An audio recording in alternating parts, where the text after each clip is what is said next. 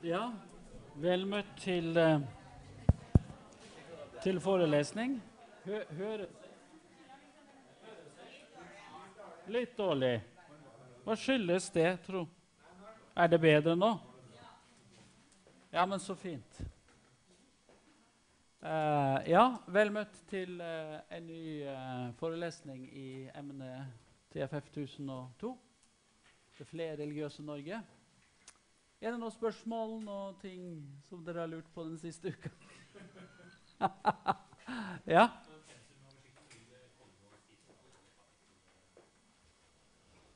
Du tenker på undervisningsplan? Nei, det er sånn røfflig. Så vi, at, at vi er innafor dette området. Det er ikke alt vi klarer å gjennomgå for hver gang. Nå, nå er det, som dere har sett, så er det denne boka som er satt opp. Kan jeg bare få lov til å vise den for forsamlingen? Det er denne som er det primære uh, for det vi skal snakke om nå. Jo, altså, hele boka er jo ikke pensum, så dere ser av pensumlista hvilke kapitler eller sider som er i denne boka. Ja. Fint. Eh, og så forsøker jeg da Ikke bare forsøker, men jeg har også ajourført tallmateriale eh, i det jeg sier i dag. Så det er de helt oppdaterte tallene. Og de tallene får man jo ikke alltid i den boka, for tar, sånne bøker har jo sånn en viss produksjonstid. Så eh, men, eh, men, men, stort sett så, så, klarer vi oss det. Nå skal vi altså gå litt nærmere inn på religionsfeltet i Norge. Dere hadde jo en sånn oversikt eh, med Amina aller først. Så på religionsmangfoldet og hva som liksom preger det. Skal vi gå litt mer inn i en del tallmateriale, se på en del tendenser, og utvikling. Eh, forrige gang snakka vi litt prinsipielt om religionsbegrepet eh, hvordan vi skal definere religion. Eh, religion er jo eh, ganske vanskelig å definere, som vi var inne på sist. Eh, ikke minst eh, hvor, hvor, hvor, snevre eller hvor vide definisjoner skal vi operere med? Hva er hensiktsmessig? Altså, hva er problemet hvis vi har for vide definisjoner av religion? Ja. da kan fotball inkluderes. Ja, hvorfor er det et problem?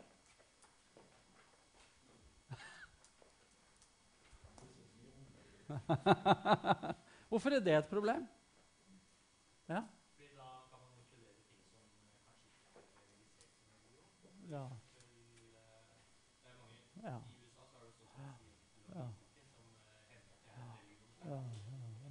Ikke sant? Og, og, det viser jo bare at det er stadig diskusjoner hva en religion er. Men, og dette med hvorfor fotball ikke kan være det, altså, det kan selvfølgelig. Men spørsmålet er jo rett og slett eh, hvordan eh, Altså hva er hensiktsmessige definisjoner? For Hvis vi har for vide, så blir liksom alt religion. Og hvis alt er religion, så er liksom ingenting religion. Altså, Altså, det blir veldig vanskelig å operere med som en kategori. Uh, så vi må, vi må, nok snevre inn. Men hva er problemet med å snevre definisjonene inn for mye? Ja. Nei, nei, nei, ikke sant? Så snevrer du inn hva religion er. Så ser du ikke, så går du litt med sånn skylapper. Ja, så, det. så var vi inne på dette med to hovedkategorier av religionsdefinisjoner. Husker dere hva det var? Ja?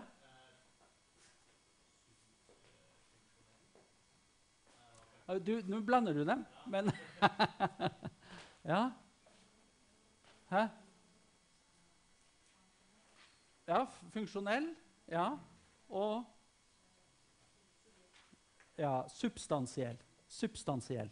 Substansielle definisjoner og funksjonelle. Hva er den viktigste forskjellen på de to typer uh, definisjoner? Ja. Ja. Ja, ja. ja hva, hva gjør religion? Hva gjør religion? Hva er religion godt for? Ja. ja, ja. Fellesskapsdimensjonen. Ja. Integrering. Ja. Identitet. Mange ting. Ja. Hæ? Og tro, ja. ja det, kultur. Ja. Man, struktur. Mm. Ja. Mye. Ja. Ja. Ja. Ja. Ja. Ja. ja. ja. Ja, det er det. Men samtidig så er det noe av poengene med sånne definisjoner at vi forsøker å se på en del sånne fellestrekk. ikke sant? Selv om vi må si at religion på mange måter er individuell. Det er jeg ikke tvil om. Det er jeg helt enig med deg Så har den samtidig noen trekk som også går utover det individuelle. Uh, som vi kan se som fellestrekkene. Og, og, det ligger jo i dette som man sier her. Men noen vil jo si at nei, min religion er ikke knytta til et fellesskap. Og det er jo noen som, uh, som har den type religion. Altså, jeg går ikke i kirken, men jeg er religiøs. ikke sant? Det, det, det er fullt mulig å si. Ja. Ja, viktig. Altså svare på sentrale eh, uh, essensielle spørsmål i livet. Meningen med livet, den type ting. Viktig, viktig, viktig dimensjon uh, når vi spør etter hva religion gjør. Siste punkt er, så må vi gå videre. Ja? Ja.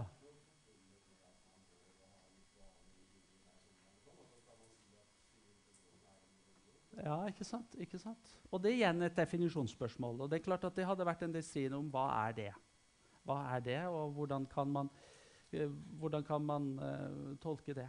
Det er, ikke, det er, ikke, mulig å gi et entydig svar på det. Men det vi håper, det er at vi skal kunne nærme oss sånne spørsmål med en del sånne uh, begreper i bagasjen. Så vi kan være med og bidra til en kvalifisert diskusjon om det. Det er viktig. Ja? Mm, mm, mm. Mm. Så er jo den definitivt eksistensiell, mm. men den mangler den åndelighetsdimensjonen. Mm. mm. Ja. Ja, nei, men ikke sant uh, Jeg tenker at det, det, det, eksistensielle er en dimensjon ved det. selvfølgelig. Og at det er flere dimensjoner. Mm. mm. Men det er en viktig dimensjon. Ja. Men uh, vi må gå videre. Siste punkt. ja. ja.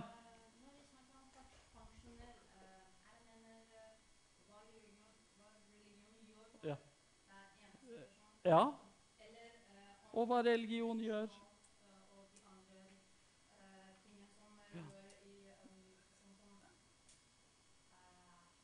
Samfunnet. Ja, ja, ja. ja, ja, ja. ja, ja. Ja, ja, ja. ja, Det er jo definitivt spørsmål hva religion gjør i forhold til den enkelte som er religiøs. Men det, det har jo også en, en, en samfunnsdimensjon, som vi var inne på her. Kulturdimensjonen ikke sant?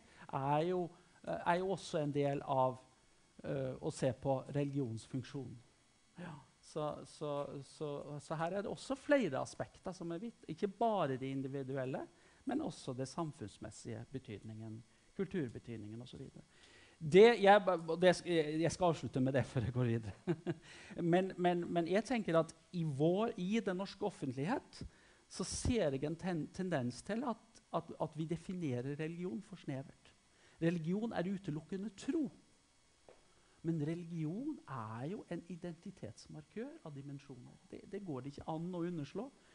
Det er en viktig dimensjon i forhold til kultur, uh, i forhold til samfunn. Uh, så når vi bare sier at religion handler om tro, og, at, og, og trossamfunn og sånt, så mister vi en viktig dimensjon, etter mitt syn, ved religion. Og, vi, og, det er et godt eksempel på at ved at vi gjør definisjonene for snevre, så oppdager vi på en måte ikke at religion har, har en rolle også andre steder. Og det er like gærent som å ha for vide definisjoner. Hvor du på en måte ser religion overalt, også der det ikke er. Men vi må gå videre. Dette er jo et spennende tema. Ja?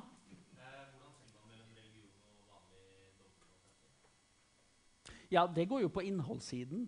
Uh, i regel, men ikke alle religioner har nødvendigvis dogmer. Ja, ja, ja. Ja, ja. Men altså, det er jo innholdssiden ikke sant? i religion. Den troen eller den, uh, det livssynskomponenten som ligger i religion. Men religion har også veldig mange dimensjoner. Og hvis dere så vidt, Jeg fikk ikke så veldig god tid til å gå inn i det forrige gang, for jeg måtte løpe. Men eh, hvis dere så på den powerpointen jeg, viste, jeg hadde sist, så så dere da noen eksempler fra, øh, fra en teoretiker, Sharp. Eller var det Nei, øh, fra Smart. Eh, pensum, Eh, altså, hvor han ikke opererer med definisjon, egentlig, men han, han, snakker mer om dimensjonen ved religion.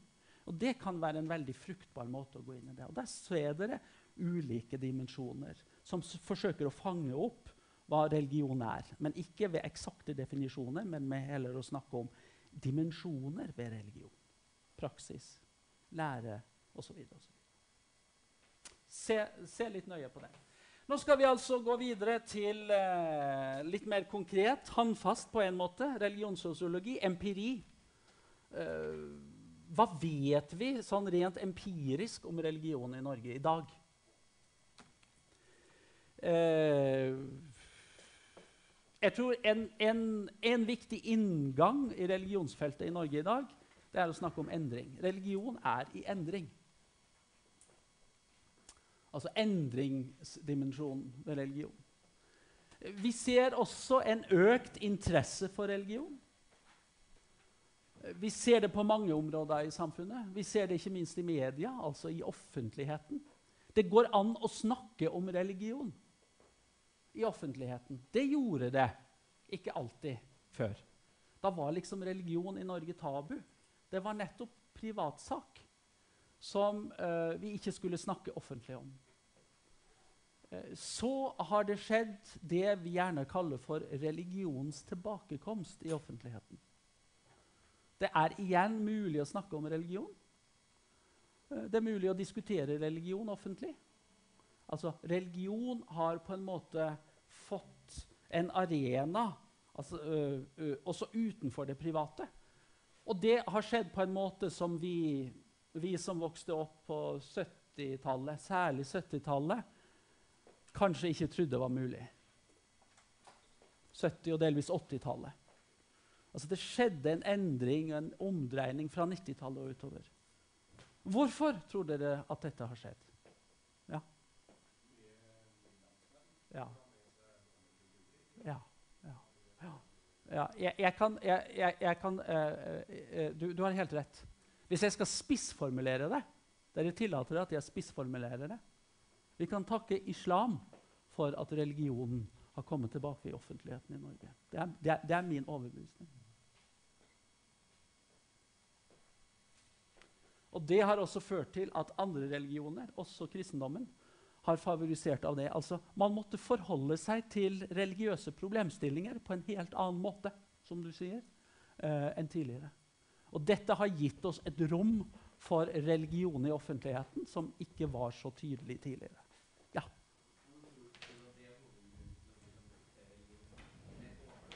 Nei.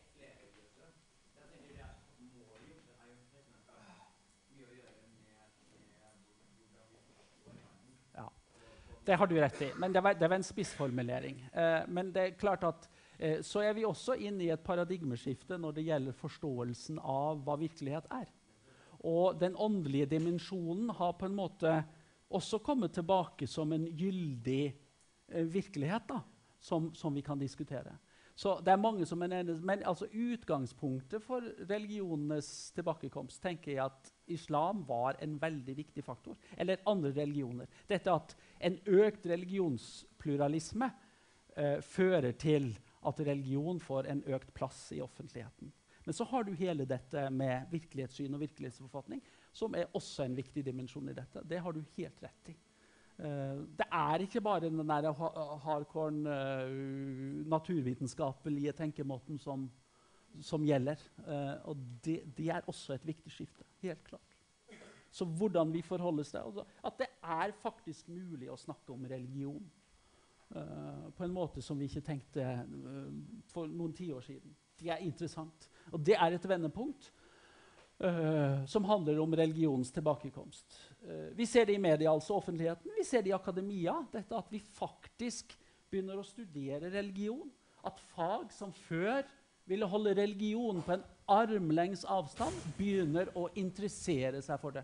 Var like før Martin Luther havna i hodet på dere. Ikke utsett dere for det. Uh, uh, så, så, ikke sant? Uh, det er Det tenker jeg er en viktig, viktig, viktig endring altså, som skjer. Historikerne her på Blindern de vil ikke ta i religion. Nå skriver de avhandlinger som, som belyser og analyserer religiøse problemstillinger i historia. Det er veldig interessant. Og det henger sammen med det vi snakker om. Altså en, en større bevissthet og åpenhet for religion. At religion faktisk er noe mer enn personlig tro. Men det er noe som også bidrar eh, i samfunnet og i kulturen. Men dette at vi har økt interesse for religion, fra det så behøver det ikke å innebære at folk flest er blitt mer religiøse. Snarere ser vi vel det motsatte når vi går til, til empirien og til tallmaterialet.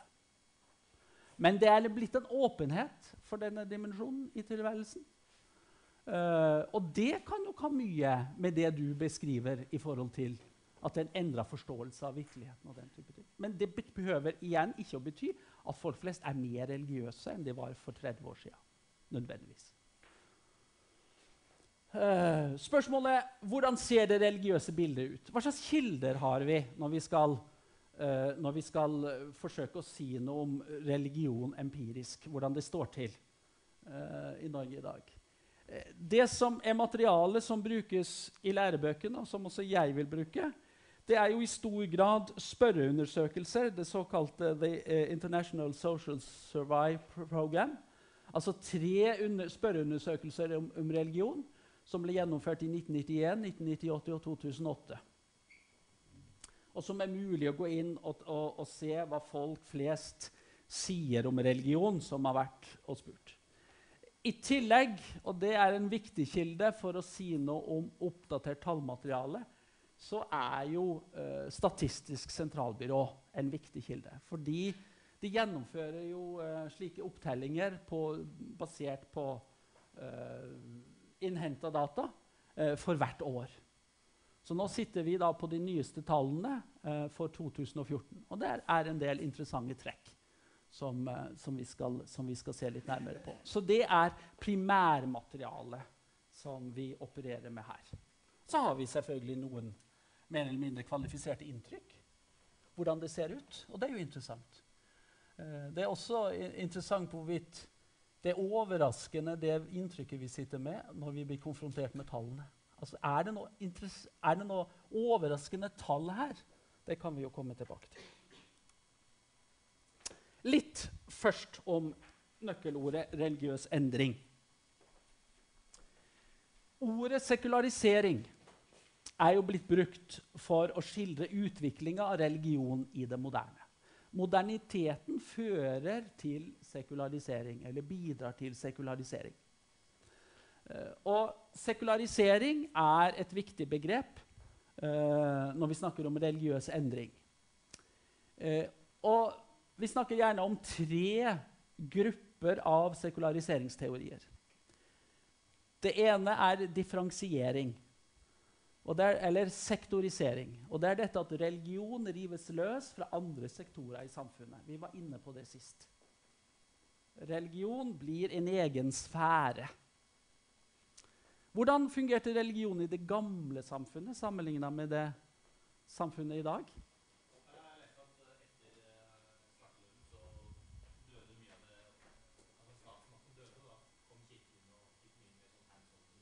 Mm.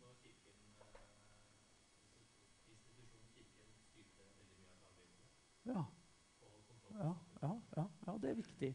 Så religion i samfunnslivet, i hverdagslivet. Ja. ja. Nei. Ja. Ja. ja.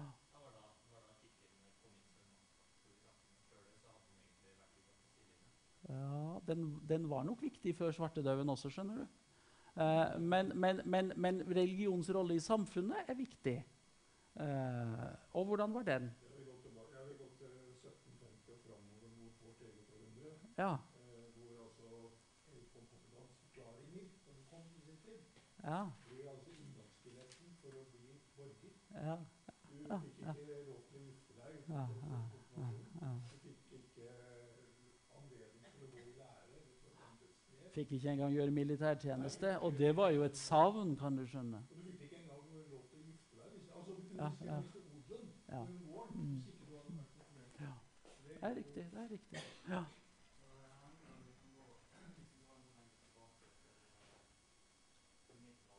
Ja.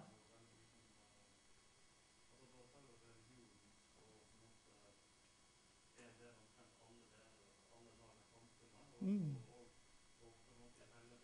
Mm. Mm. Mm.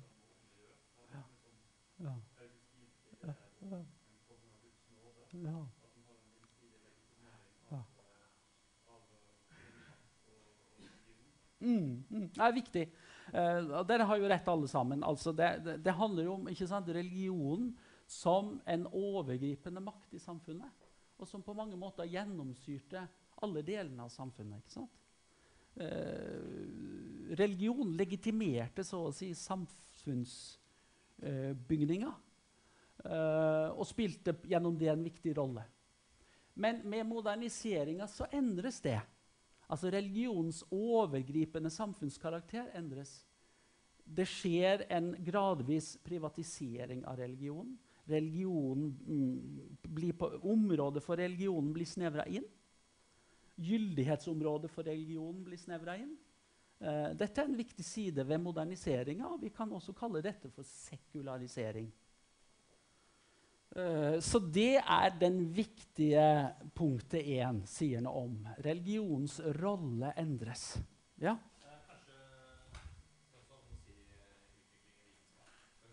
Ja da, det er viktig. Det er en viktig premissleverandør. Mm. Ja, ja. Noen vil jo si at det er det fremdeles, men eh, det er klart at, at i moderniteten så var det én bestemt form for vitenskap som ble satt i førersetet, nemlig naturvitenskapen. Og den type vitenskap var det som definerte alt hva vitenskap var. Ja? Den empiriske eh, orienteringa. Ja. Definitivt. Ja. Og, og det, det er jo det samme som han var inne på. eh, ikke sant? Det, er, det, det er jo på mange måter et paradigmeskifte vi ser. Ja. Mm. Ja, ja, ja. Altså, Habermas har jo endret seg veldig i, dette spørsmålet. På sine eldre dager. Ja. ja. Eh, punkt to differensiering. Privatisering. Altså religion blir fortrengt til privatsfæren, som jeg har vært inne på. Blir mer marginalisert i samfunnet. Eh, og punkt tre sekularisering som en nedgang. Dette at religiøs tro og praksis får stadig mindre å si for individene i samfunnet. Uh, vi kan snakke om en sekularisering på det individuelle nivået. Og, og sånn, eh, Tradisjonell sekulariseringsteori sier at menneskene i det moderne samfunnet blir mindre religiøse. Så kan vi jo diskutere om det er riktig. Eh, Hva betyr religions tilbakekomst? Betyr det at noen av disse teoriene eh, må endres? Det er faktisk noen forskere som mener det. Som sier at vi må revurdere forståelsen av sekularisering. Eh, sekularisering betyr ikke nødvendigvis religionsnedgang. eller Det betyr i hvert fall ikke at religion forsvinner. For det trodde jo de mest hardbarka eh, sekulariseringsteoretikerne. De sa det at vi går mot det religionsløse samfunnet. Og så ble de kjempeoverraska når det ikke skjedde. Så man har re revurdert sine teorier og kommer nå og, og sier nå at religio, eh, sekularisering betyr fremfor alt religiøs endring. Ikke nødvendigvis at religion blir borte. Det er i hvert fall ikke det. Um, eller at religion får mindre betydning, men det betyr at religion endrer seg. Rammebetingelsen for religion endrer seg. Og det er interessant.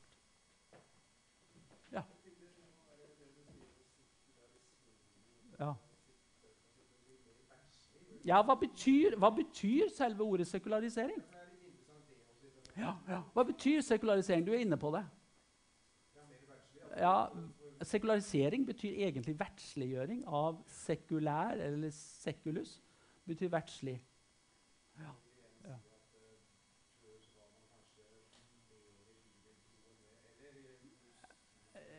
ja. ja, religion hadde en helt ja, religion hadde en helt annen plass i samfunnet. Og så er er det en teori om at religion mister mer og mer betydning. Det er jo det som ligger til grunn for sekulariseringsbegrepet. Opprinnelig så uh, skriver begrepet seg fra 1500-tallet uh, og ble brukt Man snakket om sekularisering i forbindelse med at uh, kirkelig eiendom, kirkelig gods, ble overført til den verts, uh, verdslige makt. Det ble kalt for sekularisering. Og det er opprinnelsen til sekulariseringsbegrepet begrepet.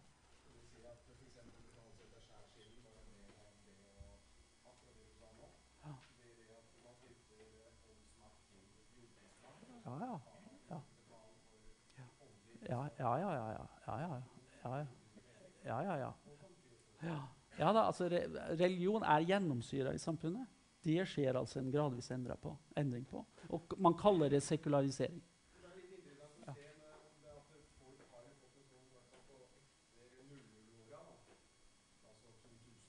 Ja,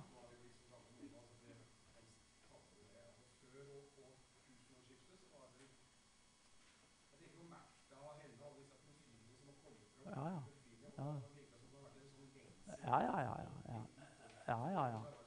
Nyreligiøsiteten, nyåndeligheten, er jo en viktig dimensjon. Og det handler jo også om det, den endringa av virkelighetsbildet som vi også har hatt. som vi har vært inne på. Definitivt. Og at det i det hele tatt er blitt stuereint å snakke om religion på en måte som det ikke var før. Og det er interessant. Ok, Her er bare noe for å se, altså sette det i relieff til religiøs endring. Eh, I relieff til endringsbegrepet og sekulariseringsbegrepet. Eh, religiøs endring det, det som er tydelig i vår sammenheng, er det du var inne på med individualisering av religion. Det behøver ikke å bety svekket religiøsitet. Det kan bety det, men eh, det behøver ikke å bety det. Eh, enkeltindividet får større handlingsrom. Det kan det i hvert fall bety. Eh, du kan i større grad eh, enn før bestemme din religion sjæl. Altså du er som individ er du selv ansvarlig for religion. Det er ikke så viktig hva forfedrene i slekta har ment. Jeg døper ikke barnet mitt i kirken fordi bestemor syns jeg skal døpe barnet mitt i kirken. Altså Man frikobles mer fra mer sånne allmenne, skal vi si, eh, tradisjonelle og kulturelle bindinger. En individualisering innebærer at jeg må kunne stå inne for dette sjøl, med mitt liv.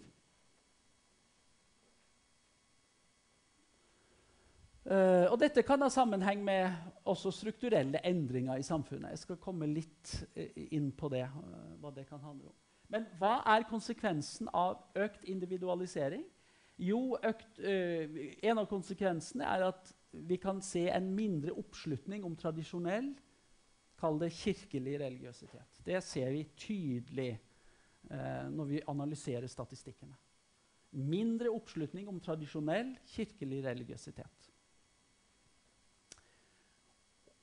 Og derimot en større interesse for religiøse kategorier som er åpne for ei individuell tolkning.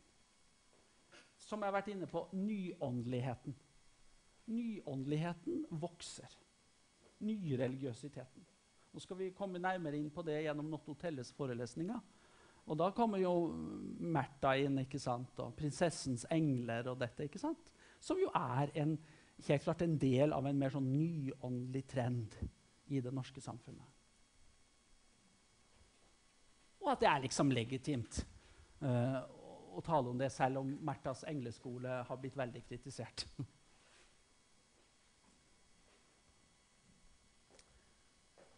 Men poenget er det er blitt et stadig større spillerom for så å si selv konstruere sin, religiøs, sin religion og religiøse identitet, kan vi si. Det betyr selvfølgelig at religion i Norge i dag er jo langt mer enn Den norske kirke. Lenge, altså Religiøst sett så var jo Norge veldig lenge et, et, et, et homogent religiøst samfunn. Eh, det var veldig få andre religioner. eh, og religion var i stor grad kobla opp mot statskirken. Statskirkesystemet i Norge det ble jo innført ved reformasjonen. Altså Den norske staten hadde en religion. Dette ble jo viderebefesta med Grunnloven i 1814. Og det er jo først for få år siden, som vi var inne på sist, at religions... eh, stats, unnskyld, statskirkesystemet endret karakter.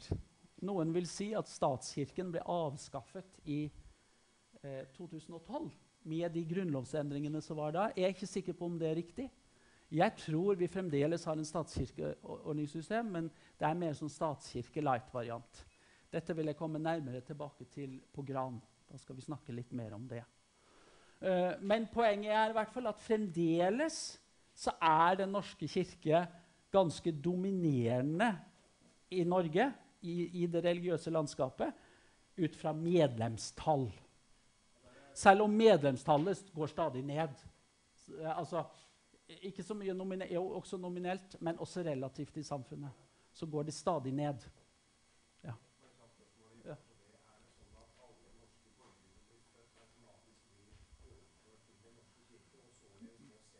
Ma, ma, ma, ma. Det er det ikke. Selv om det av og til kan virke sånn, så er det ikke sånn. Ja, ja. Men uh, det har vært litt rot, uh, for å si det enkelt. Mm. Mm. Ja, inntil, inntil 15 år.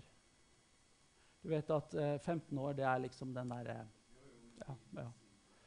Uh, ja, de, nei, da må du aktivt gå ut. Så er, hvis én av foreldrene er medlemmer, så, så, så er det vært sånn. Men det primære, og det er viktig uh, Du blir medlem i Den norske kirke uh, gjennom dåp. Det er, det er medlemskapskriteriet. Eh, men så har du en sånn overgangsperiode, eh, som du helt riktig sier. Nå er det under revisjon, bare for å si det. Det diskuteres ved om det er riktig å ha en sånn regel. Eh, som du helt riktig sier, at barn av foreldre der minst én av foreldrene er medlem av Den norske kirke, blir automatisk. Mm. Men det vi ser her, det er altså medlemstallet for Den norske kirke. I, det siste vi har eh, tall for, 2014, 3,8 mill. Det tilsvarer 74% av den norske befolkning. Det går stadig ned. Jeg, si, jeg husker på 60-tallet, men eh, jeg husker ikke det så veldig godt. Men på 60-tallet, før endringene begynte å slå inn, så var det jo sånn at ja, kanskje 95% av den norske befolkning var medlem av Den norske kirke. Så det har skjedd store endringer. Eh, og det skyldes jo uh, flere ting. Det skyldes bl.a. en endring i sammensetningen av den norske uh, befolkninga. Økt religionspluralisme osv. Uh, jeg måtte bare Det er selvfølgelig ingen av dere som vet hva slags kirke det er. Jeg må bare si Det Det er, det er patriotisme, selvfølgelig. Det er Buksnes kirke i Lofoten, hvor jeg kommer fra. Ja, måtte bare, måtte bare, måtte bare si det. Jeg er patriot, vet du. Hæ? Den er bygd i 1905. Den er typisk nasjonalt inspirert. Kopi, det, er, egentlig stavkirken som er kopi for den kirken. Nå skal vi se litt på tendenser i tallene for Den norske kirke. Jeg var inne på, altså, Det skjer en nedgang i, i, i, kirkelig, i tradisjonell kirkelig religiøsitet. Eh, Det ser man veldig tydelig på når det gjelder tallene på dåpshandlinger og konfirmasjoner. Størst nedgang i tallet på døpte. Det har gått ned faktisk med 15% på fem år. Eh, det har gått ned med 4,2 fra i fjor til i år. Nei, fra i forfjor til i fjor. og er nå nede på 59,3% Det betyr 59,3% av alle levende fødte. Altså av, av, av, det totale folketallet. Det blir også færre konfirmanter, men det dere ser der, det er at det er større prosentandel konfirmanter enn eh, en, en, en dåp. Og i 2013 var faktisk første året at det var færre døpte enn konfirmerte. Så dere ser at det er, det er en um, Det er en diskrepans her, og det betyr at eh, nedgangen på dåpshandlinger er den mest markerte. Det er tydelig at her skjer det et eller annet. Og nå prøver man å finne ut hva er det egentlig som skjer. Relativt stabilt når det gjelder kirkelige vigsler, men det er jo, det er jo bare 35% av alle som gifter seg i Norge, som gifter seg i kirka. Uh, det er også stabile når det gjelder gravferder. Altså, der, har nesten, der har Den norske kirke fremdeles nesten monopol. 90% av alle gravferder i Norge skjer i kirkelig regi. Det tallet er rimelig stabilt.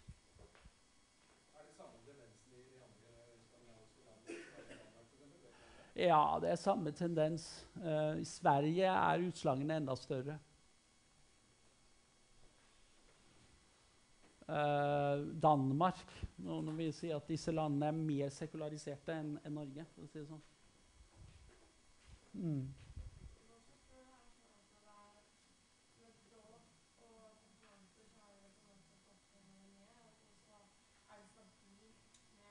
Ja, Det er stabilt akkurat nå, men det har jo vært en historie at kirkelige vigsler har gått ned.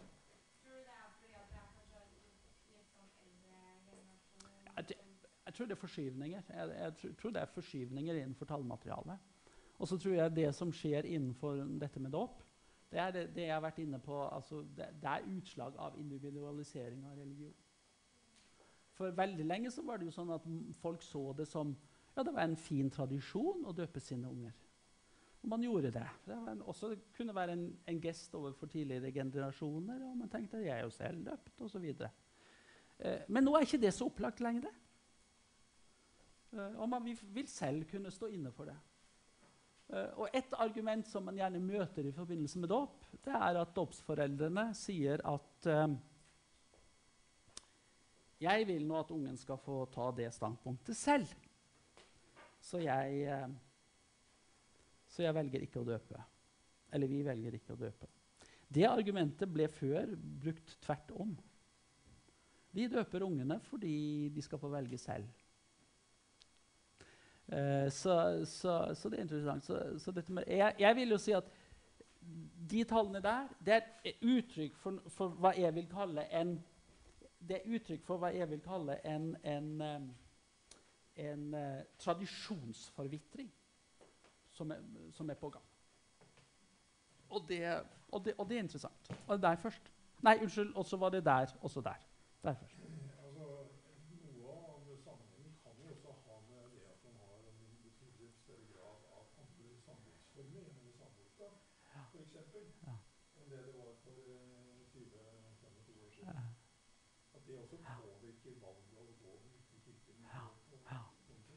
Men samtidig så er det jo stort sett eh, samboere vi møter. Ja. Mm.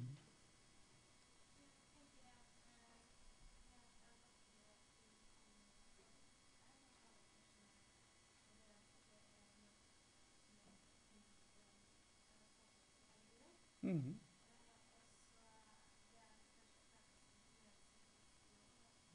Mm. Mm. Ja, ja, ja. Mm. Ja, jeg, jeg, tror også du, jeg tror du har veldig rett. Altså, det, den, det, er jo den yngre generasjonen. Uh, og det er det som gjør seg gjeldende nå, og som kommer nå inn med styrke. Og som vi faktisk slår ut i statistikken så tydelig som det gjør.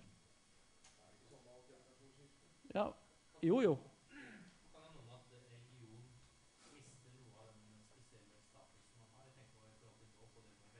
Mm. Jo da, jo da. jo da. Ja da. Ja, ja, ja. Det, det også. Altså, de skjønner, altså, hva, er poen, hva er poenget med å døpe, liksom? Hallo? Ja, ikke sant? Ja. Nei. Ja, ja. ja. ja, ja, ja. Du må velge det selv. Ja. Og, det, og, det, og, og, det, har jo igjen med individualisering å gjøre. Uh, ja. Stabile kirkelige vigsler har vi vært inne på. Den er relativt lav grad. Ferder er det høyeste, som dere ser. Uh, vi ser også færre til gudstjeneste. 2013 var første gang uh, gudstjenestebesøkende kom under 6 millioner i løpet av et år. Mest nedgang i såkalte vanlige gudstjenester. Uh, tallet på de som går i kirke julaften, økte faktisk fra 2013 til 2014 med 7000. Uh, er også en liten økning på de som går til kirke i løpet av påske, påskeuka. Uh, og så ser vi også, og det, da kommer vi igjen med den kulturelle dimensjonen Flere deltar på kirkelige kulturarrangement. Der skjer det en økning. Altså Tradisjonelle gudstjenester og besøket der går ned. Men man kommer gjerne i kirka for å gå på en konsert eller få en kulturell opplevelse.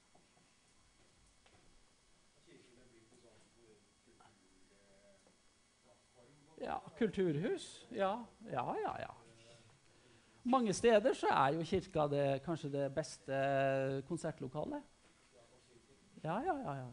Ja, og jeg tenker Det er jo ikke negativt. Det er jo bare positivt. Det, det understreker jo igjen dette med uh, uh, kulturdimensjonen som Kirken har.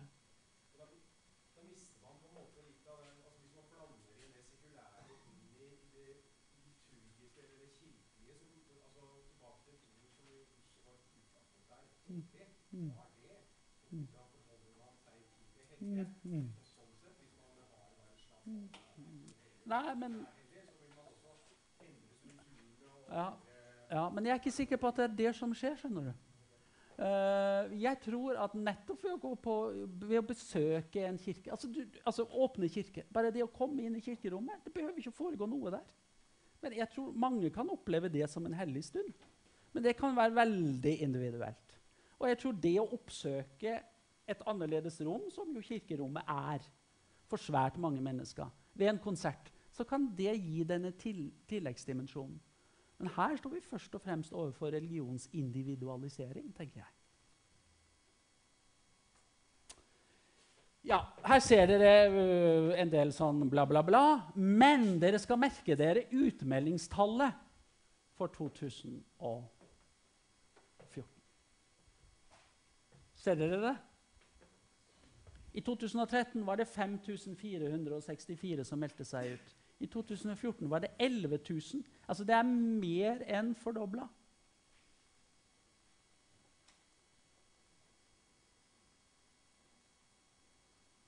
Og hva, hva, er det?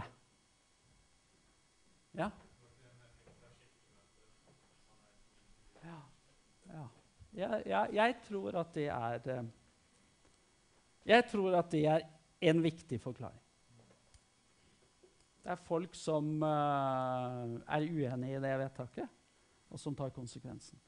Det har vi jo sett også tidligere. At uh, i stridsspørsmål der folk er uenige, så får vi gjerne topper i utmeldingsstatistikken. Men jeg tror også det kan være noe så prosaisk uh, som Vi skal snart ha pause. Noe så prosaisk som at man begynner etter hvert å rydde opp i medlemsstatistikken. Og det er blitt mye større fokus på det også.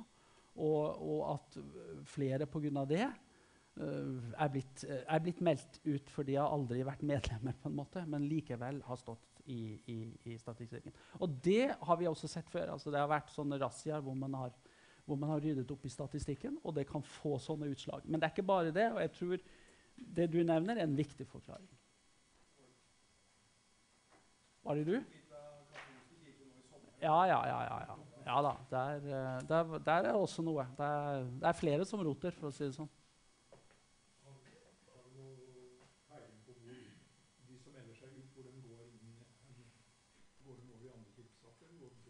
Ikke, ikke, ikke nødvendigvis. Eh, ja, ikke, ikke nødvendigvis. Uh, ja det, det, Man har ikke plikt lenger til å si eh, hva nå.